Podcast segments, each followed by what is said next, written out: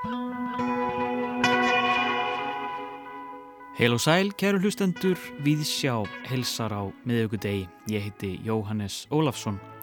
Sun and Sea, þáttökuleikús og lottaralíðan, Hannes Pétursson og myndatöku Bann í þætti dagsins. Ég hef oftar en einu sinni orði vittni að því hver fólk verður kvumsa þegar því er sagt að það megi ekki taka myndir þar inni.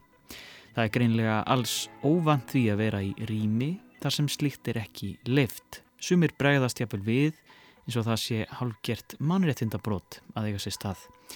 Björn Haldursson revjar upp ferilsinn sem dýravörður á skemmti stað í Reykjavík í grári fornöld þegar hluti starfsins snýri að því að áminna fólk fyrir að virða ekki myndatökubann staðarins og veltir því fyrir sér hvort að slíkar reglur séu marklausar í dag þegar myndavélarnar á símónum okkar eru orðnar órjúvanlegur hluti af því hvernig við upplifum heiminn. Björn Haldursson fær orðið hér rétt á eftir. Við heyrum líka af einu forvitnilegasta verkefni listaháttíðar í Reykjavík sem standa mun dagana 1. til 19. júni í næstu viku en helgina 4. og 5. júni verður sínt í Hafnarhúsi listasaps Reykjavíkur litáíska listaverkið Sun and Sea. Þar er á ferðinni óperu gjörningur, gestir á síningunni horfa ofan frá og niður á strandgesti sem liggja á handklæðum sínum á ströndinni og sóla sig en ekki bara það heldur syngja þau líka. Í söngvonum segja þau sögur úr eigin lífi en á bakvið allt saman býr stærri og þingri sannleikur.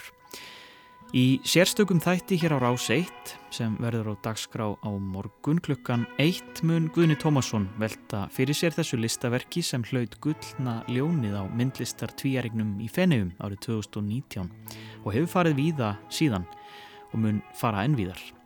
Við heyrum texta höfundverksins lýsa nokkurum einstaklingum sem liggja munu á ströndinni í þætti dagsins. Og nýtt leikverk verður frumsýnt í miðbæjar skólanum við tjörnina á morgun. Það er leikópurinn Slembilukka sem þar sínir verkið Sjáið mig. Þetta er þáttöku síning þar sem sviðslistir saminast eiginleikum borðspila og keppnisýþrótta. Þar fá áhörundur að sína hvað í þeim býr. Þau fá útlutað verkefnum sem þarf að leysa og taka sjálf þátt í síningunni. Allt saman í leitað sörum við hinnum ímsu spurningum tilverunar. Er þetta allt bara leikur, einhver keppni, einhverjurnar, atvinnuviðtölinn og fastegnakaupin? Er lottara líðan að plaga okkur öll innst inni? Höfundar verksins, Bryndís Ósk Ingvarstóttir og Lauvei Haraldstóttir kíkja til mín í lokþáttar og útskýra þetta fyrir okkur og við heyrum smá brot úr tónlist síningarinnar sem er í umsjá Eiklóar Höskuldstóttur Výborg tónskálds. En við byrjum í dyrónum á skemmtistað með Byrni Haldórsinni.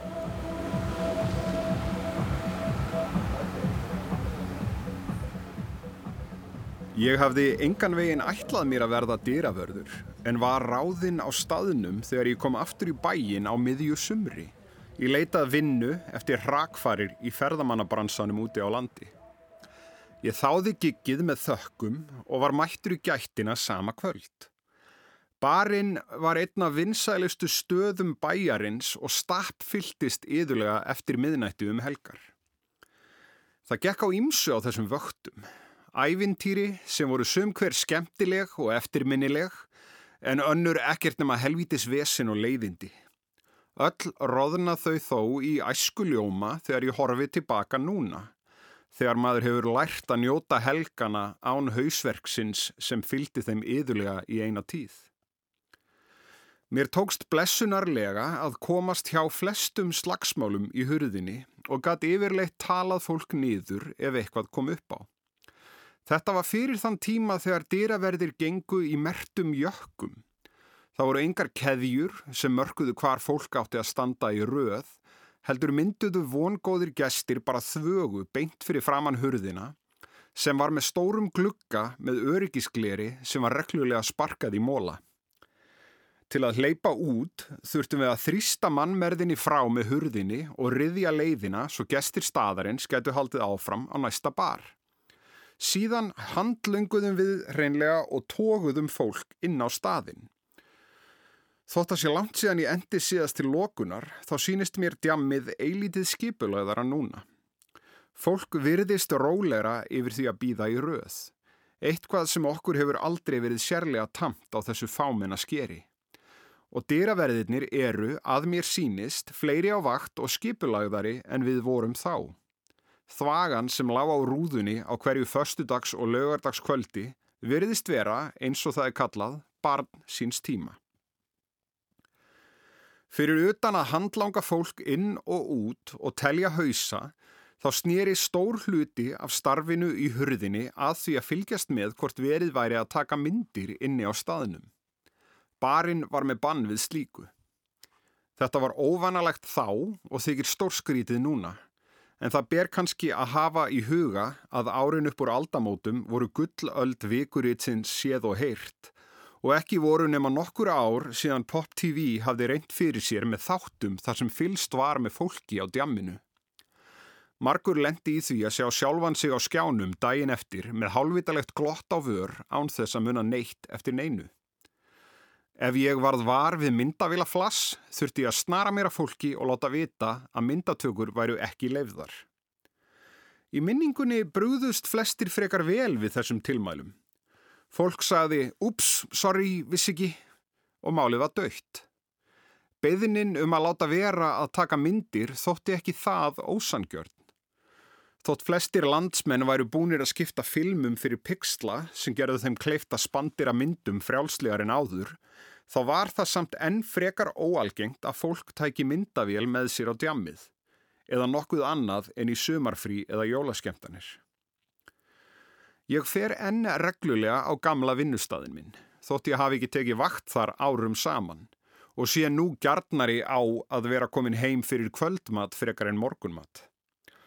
Í rauninni hefur staðurinn breyst óvenju lítið miðað við flesta íslenska bari sem eiga sér almennt ekkit sérstaklega langt líf og verðast opna og loka á sömu hornunum ár eftir ár undir nýjum merkjum eða einhverjum gamalkunnum merkjum sem vongóðri vertar eru sífælt að reyna að endurvekja. Þrátt fyrir að vera, líkt og þvagan sem lág á hurðinni í eina tíð, barn síns tíma, þá stendur reglan um engar myndatökur ennþá. Viðbröðin við henni hafa hins vegar breyst tölu verðt líkt á allt okkar samband við myndatökur og ljósmyndir. Ég hef oftar en einu sinni orðið vittni að því hver fólk verður kvumsa þegar því er sagt að það megi ekki taka myndir þar inni. Það er greinilega alls óvand því að vera í rými þar sem slíkt er ekki leift. Sumir bregðast jafnvel við eins og það sé hálgjert mannréttindabrót að eiga sér stað. Kanski er það ekki að furða. Myndatökur hafa að einhverju leiti tapað hátíðleika sínum núna þegar við erum umkringd myndavélum á alla kanta og þær er að finna innbyggðar í ólíklegustu heimilistæki. En að samaskapi er líkt á myndavela linsan hafi breyst í enn eitt skinfæri sem við notum til að meðtaka heiminn og staðsetja okkur innan hans. Skinfæri sem breytist í tjáningarfæri þegar við notum það til að miðla í gegnum samfélagsmiðla upplifin okkar á heiminum og okkur sjálfum. Mögulega er full dramatíst að stilla þessu upp þannig. Þetta eru jú bara myndir. Samt held ég að við mættum oftar staldra aðeins við þegar við smellum af mynd og velta fyrir okkur hver hafi álpast inn í ramman og hvað viðkomandi finnist um að vera þar. Kanski eru það samt óþarfa bollaleggingar. Við erum flest hver orðin vön því að vera í mynd hvar sem við förum og erum hægt að líta upp eða hika við þegar við ráfum inn í myndarama annars fólks. Sjálfur stitti ég mér leið yfir skólaverðuholtið á hverjum degi og veldi stundum fyrir mér ákveð mörgum hundruðum eða þúsundum mynda af Hallgrímskirkjuturni sem fólk hefur heim með sér eftir döl á Íslandi megið sjá mig í einu horninu að svelga í mig morgun kaffið og hraða mér til vinnu. Þar að auki er það aðalega við sjálf sem við föngum með myndavélunum okkar, ekki annað fólk. Símarnir okkar eru meirað að segja með tvær linsur, eina fyrir heiminn og aðra sem er bara fyrir okkur. Hér væri auðvelt að fara rakleitt í það að tuða um gamla tíma og heim sem verstandi fer. En þá er gott að minna sig á það góða sem þessi þróun hefur óneitanlega haft í för með sér. Okkur er fært að deila umhverfi okkar og daglegu lífi með okkar nánustu um söga laust sama þóttu séu óralangt í burtu og styrkja þannig stóðirnar í samböndum okkar við vini og fjölskyldu.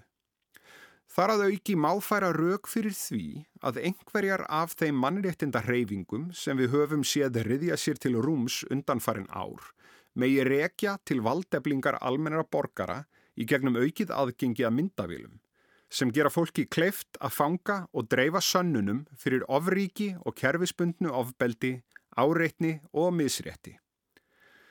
Engu að síður, og það má ekki gleima því að mögulega er þetta enn eitt af ótöldum forréttindum mínum sem kvítur kallakall, finn ég alltaf fyrir vissum léttleika þá sjaldan að ég álpast inn í myndavélalaus rými.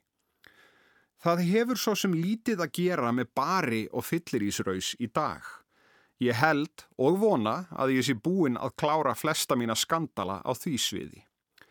Það hefur þeim mun meira að gera með sundlugar.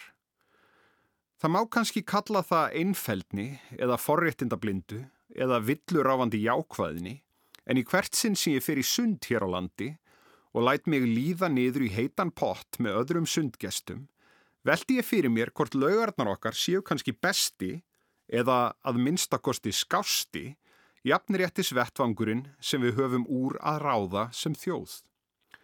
Hér sitjum við öll saman í sama vatninu án fata og farsíma, óháð aldri, litarhafti, þjóðerni eða útliti.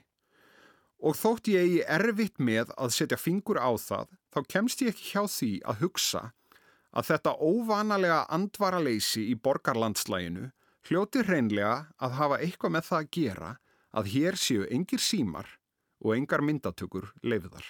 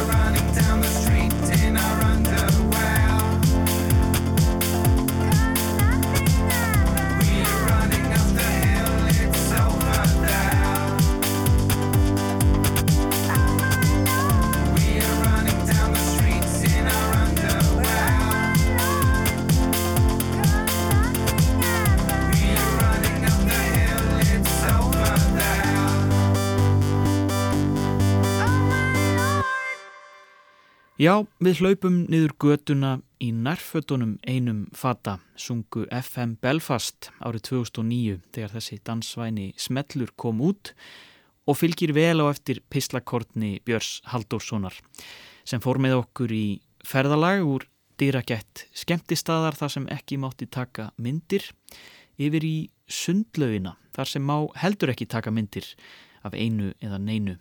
Er það kannski eini greiðar staðurinn undan farsímum og myndatökum? Ágetis áminning og hugleðing frá Byrni Haldósinni við höfum honum kærlega fyrir. En þá hugum við að öðru hér í Víðsjá þó við séum reyndar enn í sundfötunum og við förum þér á strönd.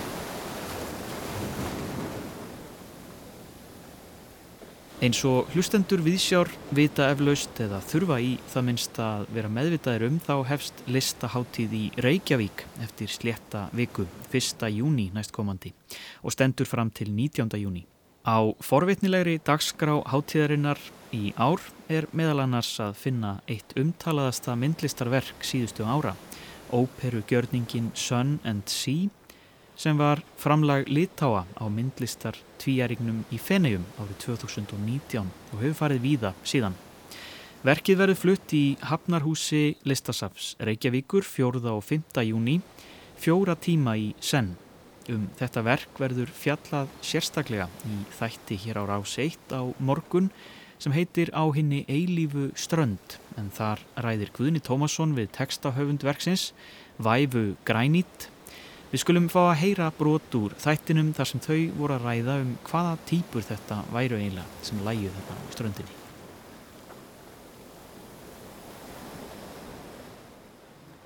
I really don't feel that I can let myself slow down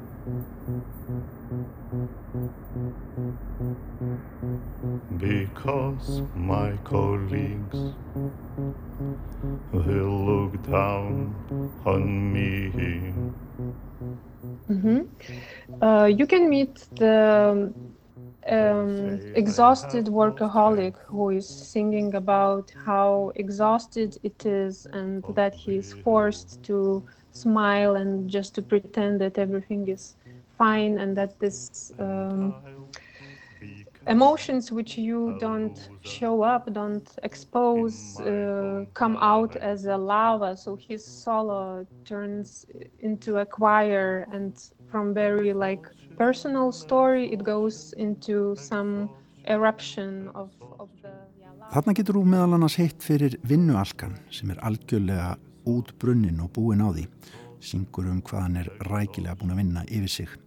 Hann pínir sjálfan sig til að brosa og reyna að líta út fyrir allt sig í hinna lagi. Hann þarf að passa sig á að tilfinningar hans velli ekki út um allt eins og hraunströymur úr eldfjalli. Já, eldfjall koma nokkuð við sögu í þessu verki. Personleg saga hans umbreytist í kórkabla og allt verðist ætla að sjóða upp úr á tímabili. My boy is eight and a half And he has been swimming in the black, the yellow, the white, the red, the Mediterranean agencies. He has already visited two of the world's great oceans, and we will visit the remaining ones this year. Weeks ago, my husband took me diving in Australia. Two photographers swam after us, included in the price. Our little one stayed on shore together with a nanny. And another, there is a rich lady which is uh, singing about how um, that she has traveled everywhere and she has seen all the oceans and, and Svo er þarna rík kona á ströndinni sem lýsir því hvað hún er viðförul og hefur séð öll heimsins höf. En lýsir því jafnframt að hún sé komin með hótelherbyggi í kóralrefinu mikla undan ströndum Ástralíu þar sem vitum jú að ekkert hótelherbyggi er að finna. En söngurinn snýst kannski frekar um ágengni okkar gagvart náttúrunni. I cried so that corals will be gone, and together with the great barrier reef, the fish would go extinct. From I cried so much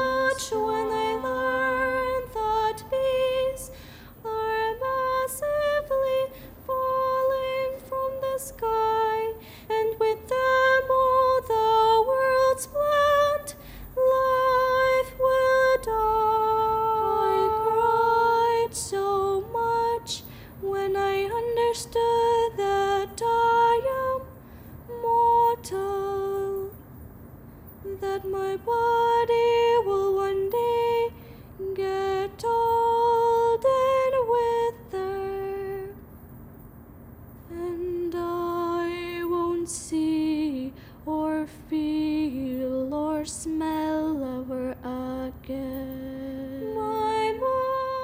Or there is a song of two two girls, two identical twins, who are singing about uh, three 3D printer who would help to print, uh, you know, their mother and bees and shrimp if the world ends. Svo eru þarna tvær stúlkur, einægja tvíburar sem að syngja um þrývitarprentun og hvernig slíkur prentari, undra tól, gæti hjálpa til við að prenta móður þeirra, líka bíflugur og rækjur ef út í það færi, ef að heimurinn fest.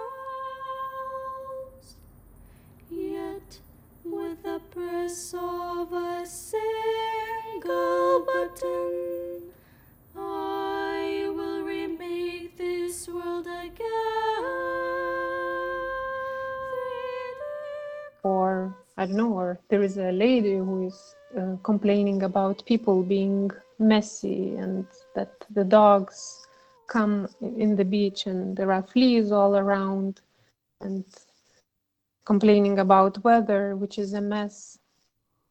Hann er líka kona sem er pyrruð á því hvað allir eru skítugir og hún kvartar yfir hundunum sem að koma á ströndina og að það séu flæra þarna út um allt.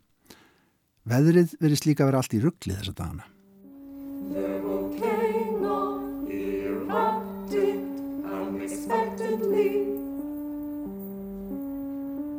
Contrary to all the diagrams and timetables,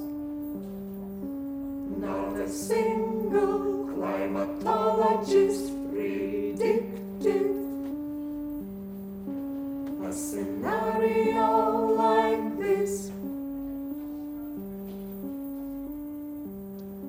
And by the way, there is an Icelandic moment in the libretto.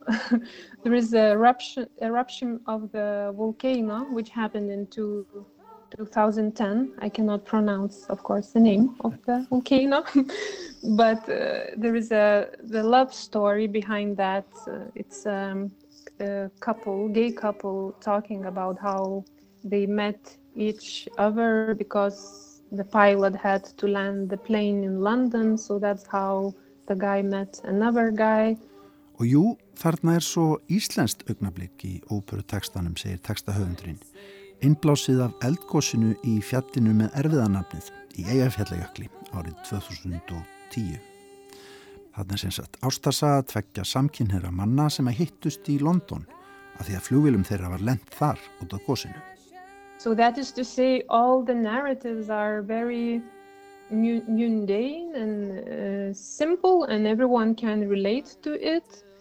But behind this, behind that uh, personal stories, there are choirs which like apply to the board, bigger picture, and you can feel the the threat and the I don't know kind of apocalypse in the air.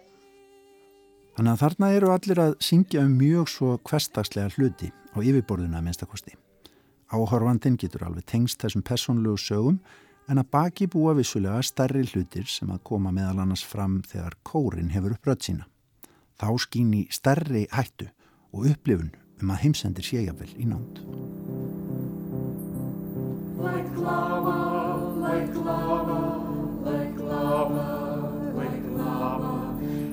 Lava, exhaustion, exhaustion, exhaustion. It's like a mammoth, a non existent creature gone extinct. Encyclopedias, the annals of history, have been habit, mountain life,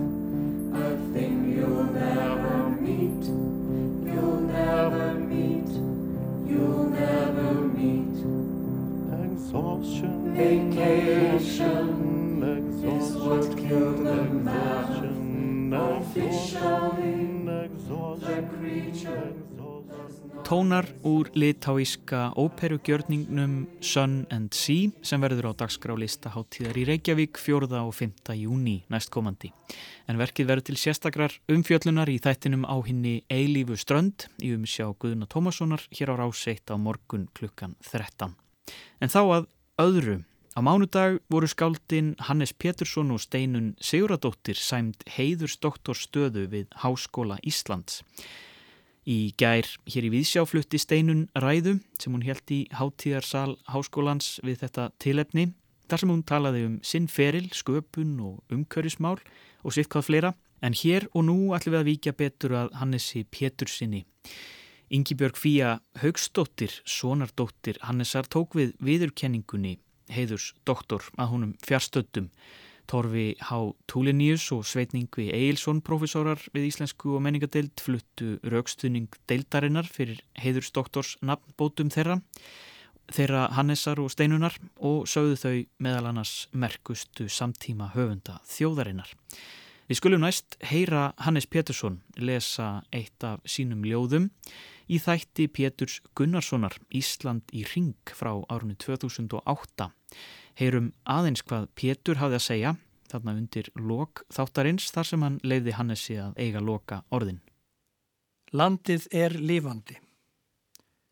Það er engu líkara en streymi frá því skilabóð. Kanski vegna fjárveru svo kallara mannaverka.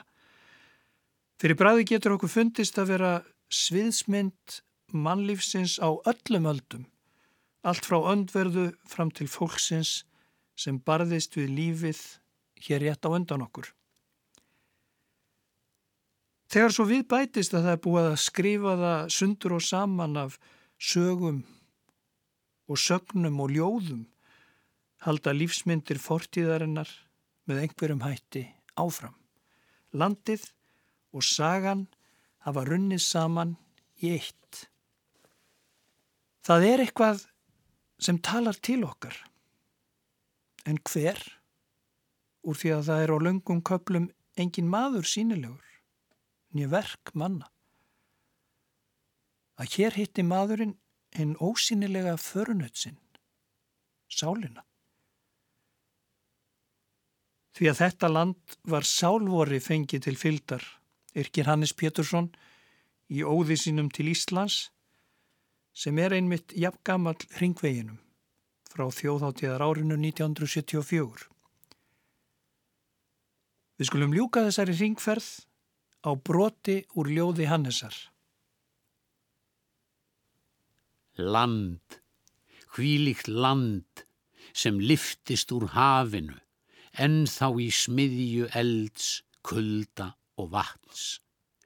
Dunandi eiga sem á dögum sköpunarinnar, sett niður í hálfan ring gamalla landa. Festum oss í minni hvert ferðvorri skal stemt, kynnslóð eftir kynnslóð, yfir krappan sjó tímans.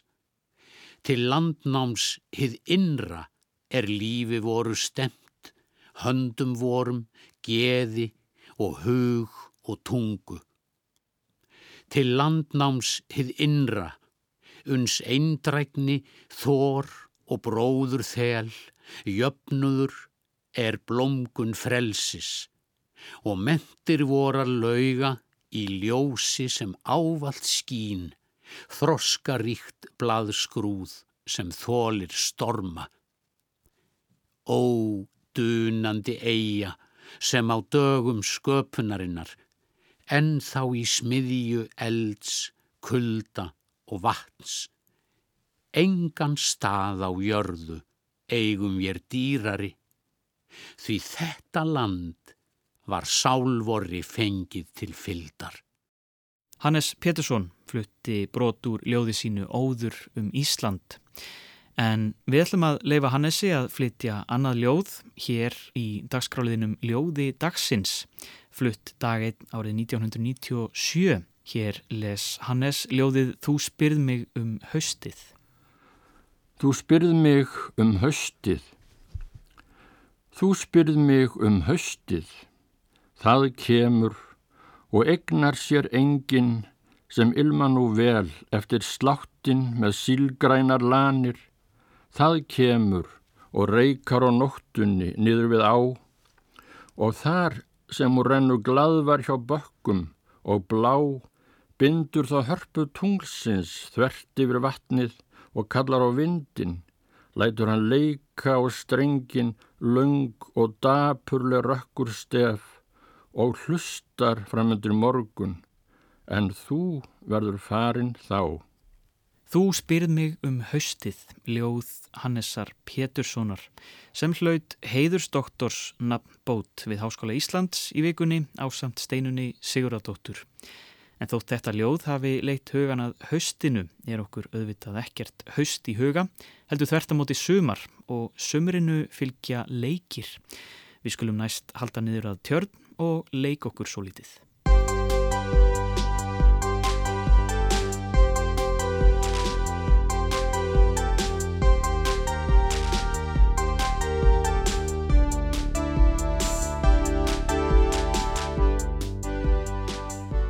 Á morgun, fymtudag, verður frumsýnt nýtt leikverk í miðbæjarskólanum.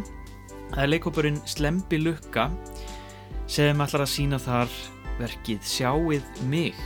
Höfundarnir eru Bryndís Ósk Ingvarsdóttir og Lauvi Haraldsdóttir og Eigló Höskuldsdóttir Výborg er tónskáld síningarinnar sem einnig kemur fram í verkinu. Og Bryndís og Lauvi eru komnar hingað, velkomnar. Takk fyrir. Takk kærlega. Um, sýningin er svona með svolítið óhefbundu sniði. Þetta er um, svona uh, saminar eiginleika borðspila og íþrótta. Tölum aðeins um þetta fyrst. Hvernig, hvernig uh, mætast þessir heimar? Já. Leikhúsið, er þetta bara allt Þetta er leikur? já, þetta er náttúrulega svolítið, sumum þetta erfitt að átt að sjá hvað er að fara að gerast af því að, að þetta er kannski ekki hefðbundi leikhús Mhm. en þá kannski spyrir maður sig hvað er leikhús? Mm Mhm. Við erum þarna að koma fram og, og áhörundur þó er sér að taka þátt, þá eru þeir áhörundur þannig að þetta er leikhús Mhm. en þetta fer fram eins og uh, einhvers konar keppni eða, Eða eða hópefli. Mhm. Já, þannig við erum svona svolítið að einbett okkur að það sem að borðspil íþróttir og þessi síninga sammeilita þetta eh, uh, beinir kastlösun að keppnisbrjálaðinu í fólki. Mhm. Við erum alltaf að keppa. Við erum að keppa þegar við fyrir mjög aðtunumvital, við erum að keppa þegar við erum að fá einhvernir í skólanum, þegar við erum að fá lánsaðum að bara hvað sem við gerum í lífinu það bara keppni, keppni, keppni. Mhm. Þannig við getum aldrei einhvern veginn stoppað bara og slakað á. Já. Og hugmyndin kom út frá sérst, okkar eigin keppniskapi. Mhm. Við erum miklu keppendur. Mm. Já, við vorum góði nefendur þegar við vorum litlar Já. og það er eitthvað svona ákveðin tegund af mannesku. Að þegar maður er orðinn 20 ára og kemur út um mentaskóla það er ekkert að mæla hvað maður er sniður eða klár lengur. Þannig við fórum báðar í hugvísindi það sem ekkert er mælt og engar einhvernir uh, segja neitt til um neitt. Nei. Þannig að það var alltaf erfitt fyrir svona litla, litla fullkomna sinna. sjúkar stúlkur, já.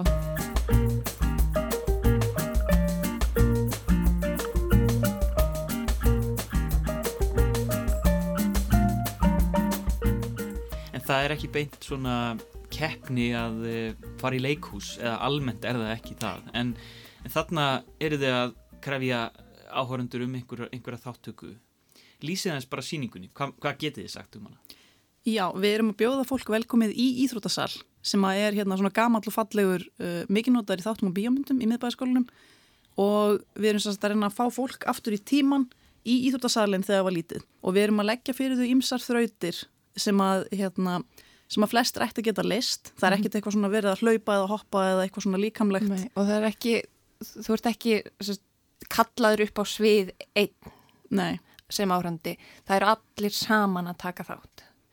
Allir að leysa þessar þrautir þær eru einfaldar en skemmtilegar og líkillin kannski er að við erum að láta fólk horfast í augu við hversu mikið keppniskap þau eru með vegna þess mm. að það skiptir ekkit endilega máli hvað þú ert að gera í einhverju keppni þar sem þú ert settur í slembu úrtaka fólki mm -hmm. og þið, það er ekkit að mæla út hvort að mamma mín áhórandi eða, eða bróður lauver væri betri í þessari keppni mm.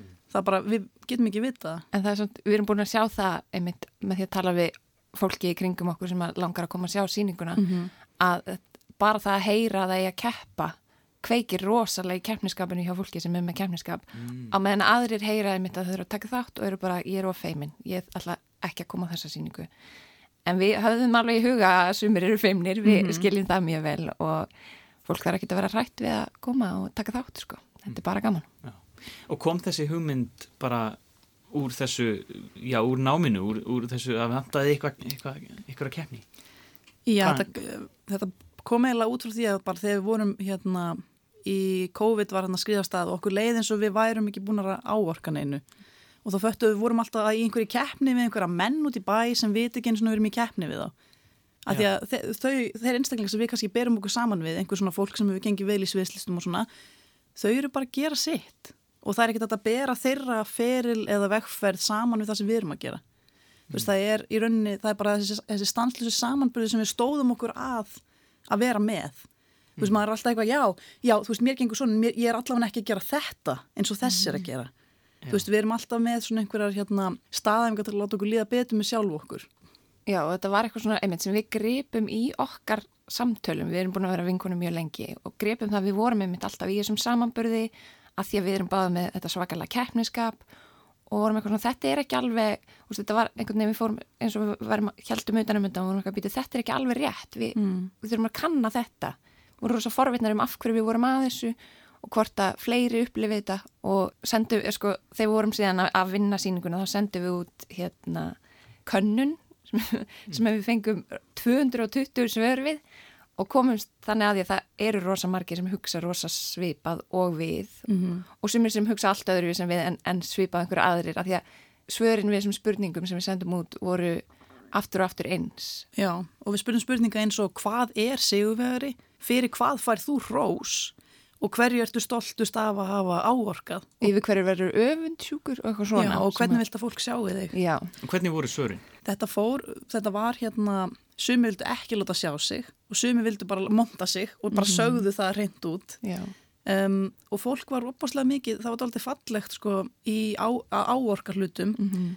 Fólk talaði mikið um vinnu, vissulega, og draumastarfið og svona, en við fengum rosamörg svör sem við byggumst við bara börnin mín, mm -hmm, hjónabandi mitt. Og sumir svo opaslega fallegt eins og bara að lifa af dægin með mína andlu erfirleika. Mm -hmm. Þú veist, þannig að fólk var svona smá, þú veist, að skoða sig og við fengum alveg svona svör inn á Facebook þar sem fólk var að tala um könnununa og bara eitthvað, er, er þetta síningin? Að þetta var svo mikið sjálfskoðun fyrir fólk, þetta voru bara mjög opnar tíu spurningar. Já um svona hvernig þú horfir á sjálfmaði í samingi við aðra mm -hmm. í þessar endalusu keppni sem er allstaðar. Mm -hmm. Þetta er svona viss formáli að síningunni að, að því að þið eruð smá að svona, þreyfa fyrir ykkur hvernig, hvernig fólk hugsa um þessa hluti. Já. Þannig að svona, hérna, ekki alveg professional mannfræðir ansókn en segir samt, þetta er bara svona eins og samtal við 220 manns í einu. Já. Mm. Þú veist. Þannig að það besta sem við getum gert ekki með félagsfræðigráðu. Já, nokkulega. Um, og já, að því við vorum svo forvitnar fyrstum um þessa tilfinningu hjá okkur sjálfum og svo vildum við speikla hana hjá öðrum.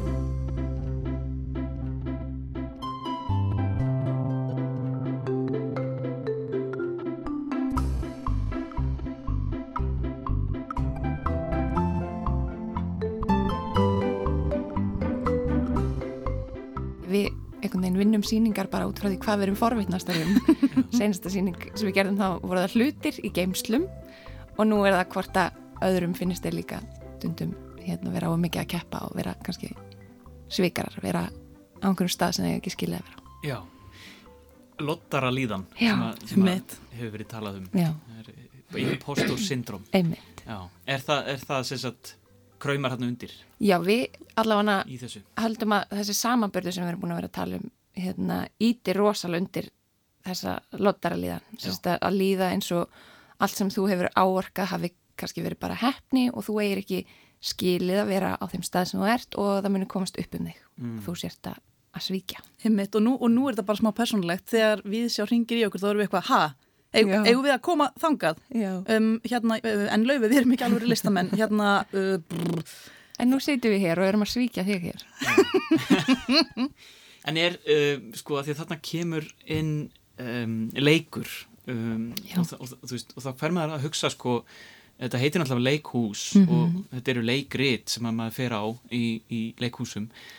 Um, og við með leik lærum svo margt. Við, við lærum sem börn að leika okkur og þannig lærum við alls konar félagslega tengsl og, og, og svona mannasiði og, og svona, þú veist, við erum, við þurfum kannski meira að nota leik eða hvað. Í, Vá hvað ég er sammála. Já, algjörlega.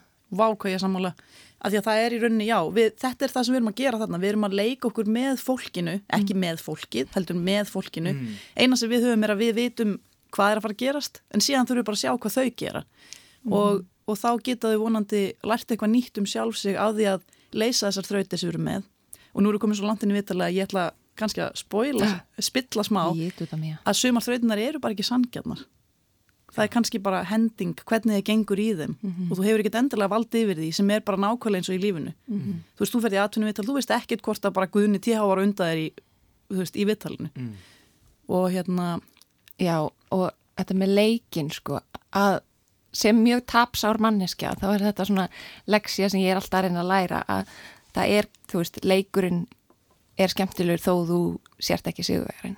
Og við fengum, já, við fengum mismunandi viðbröð eftir sýninguna, eða eftir pröfurenslu okkar í gær, að það var einn sem er mikil íþróttamanneskja og hún var öll uppveðruð á meðan annar vinu minn uppgötaði bara, heyrðu, mér finnst þetta bara gaman ég, mér er alveg saman hvað gerist Já. þannig að þá eru bara tvær gjör ólíkar upplöðanir af sömu uh, sameilu reynslunni, Já. sama leiknum Og fólk mun fá mismunandi, hérna, reynslu af þessari sýningu, bæði einmitt að því að öll erum við mismunandi og með mismikið kemskap og að því að uh, þáttangjöndu fá sér spil á hendi með mismunandi markmiðum og eins og þessi mikla keppnismanneska sem kom hann á pröfisýninguna hún fekk á hendi markmið sem að vann gegn því að keppa þannig að hún var allan tíman að reyna að standast það markmið rosa vel sem þýttir samt að hún þurfti að keppa minna en hún myndi vilja gera þetta er svona, við erum alls, með alls konar bröð til að klekja tósa fólk fram og tilbaka Já. í, í hausnum á sér sko.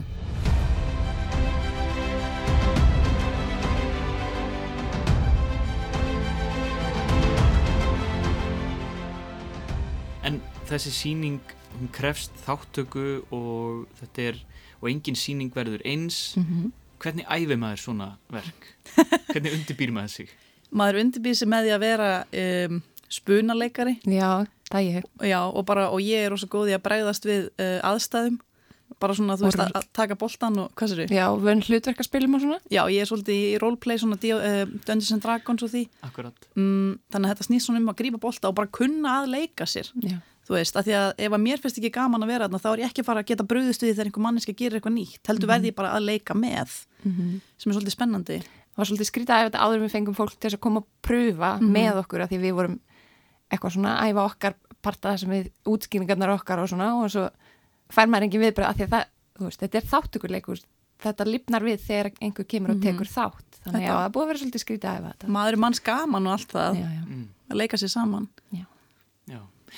En maður verður samt að spyrja, hafið þið áhyggjur á því að þið útilókið fólk sem að þólir ekki svona leikhús að, að þurfa að taka þátt eða, eða eru þið að reyna einhvern veginn að fanga það fólk og, og telja því trúum að það sé allt í lagi að mæti í leikhús og, og vera hluti af síningunni? Einmitt, sko, allir við séum ekki bara þessi, þessi síning er bara fyrir fólk sem er forvitið Já, ég ætla veist. hann að vilja ekki pína neitt Mhm.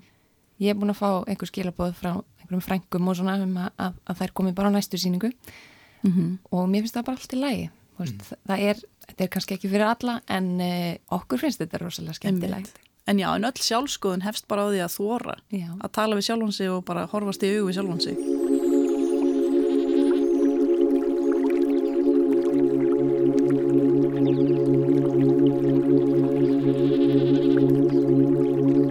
En verkið heitir Sjáið mig og það hefur svona margraða merkingu strax. Hvaðan sprettur þessi titill? Þetta snýst bara um, um hvað við erum með ótrúlega mikla þörf fyrir hrós hvað fólk þarf mikið hrós til þess að vera kvart áfram, það fólk þarf kvartningu Mm.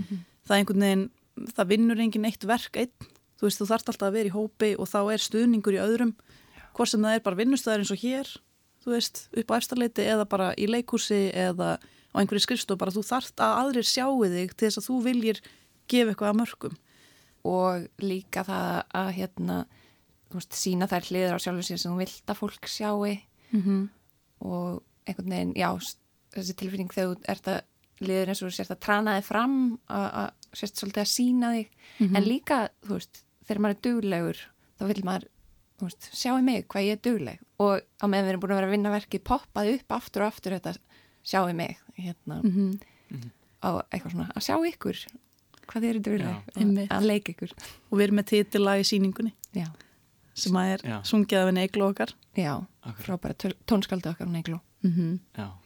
og þetta er einmitt svona á tímum þar sem að uh, við vorum að ræða í, í við sjá í gærum um sjálfsæfi sögulega tíma, við erum alltaf erum öll á flest á, á samfélagsmiðlum og við erum öll einhvern veginn að, að setja okkur á svið. Mm -hmm. þannig að við erum öll einhvern veginn í, þú veist það er hægt að færa rauk fyrir því að bara eiginlega allt sé leikritt og, og, og þarna er fólk þá að stígin í einhvern heim sem að uh, það, já, prófar einhver mörg eða sér svona sjálfa sig í einhverju nýju ljósi. Hva, hvað er svona ykkar vona að fólk gangi út af síningunni með í, í kollinum? Við sko, einmitt, hörnum síninguna þannig að hún, hún býr svolítið svona í, í búblu og þú veist, allt í heiminum er inn í þessar búblu og þau eiga ekki þurfa að hugsa um það sem er fyrir utan en auðvitað fjallar þetta um einmitt heiminn og þetta með samfélagsmiðlana samanburðin sem að gerist þar.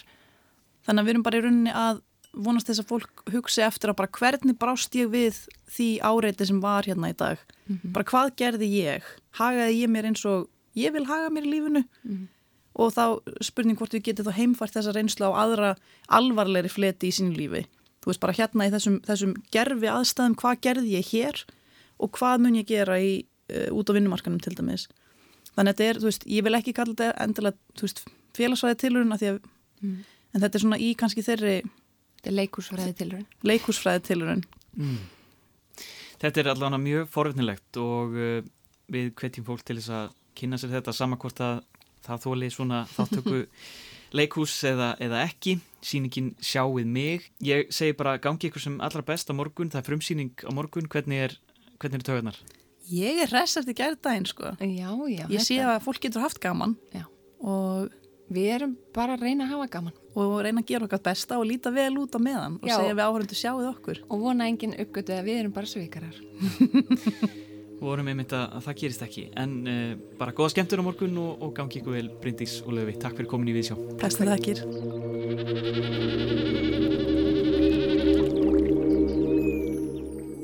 Það voru þær Bryndís Ósk Ingvarsdóttir og Laufey Haraldsdóttir sem sögðu mér frá verkinu Sjáið mig. Þær ásamt Eigló Höskuldsdóttur, Výborg, tónskáldi, skipa leikópin Slembi Lukka og þær frum sína verkið Sjáið mig í miðbæjarskólanum við tjörnina í Reykjavík á morgun. Og á morgun er uppstegningardagur og því verður engin viðsjá. En við segjum þetta gott í dag, vona að þið hafið það afslappað og notalegt á morgun. Ljúkum þessu á læginu Sisyphus með tónlistamanninum Andrew Bird af plötunni My Finest Work Yet, mitt besta hinga til. Ég heiti Jóhannes Ólafsson, þanga til næst, verið sæl.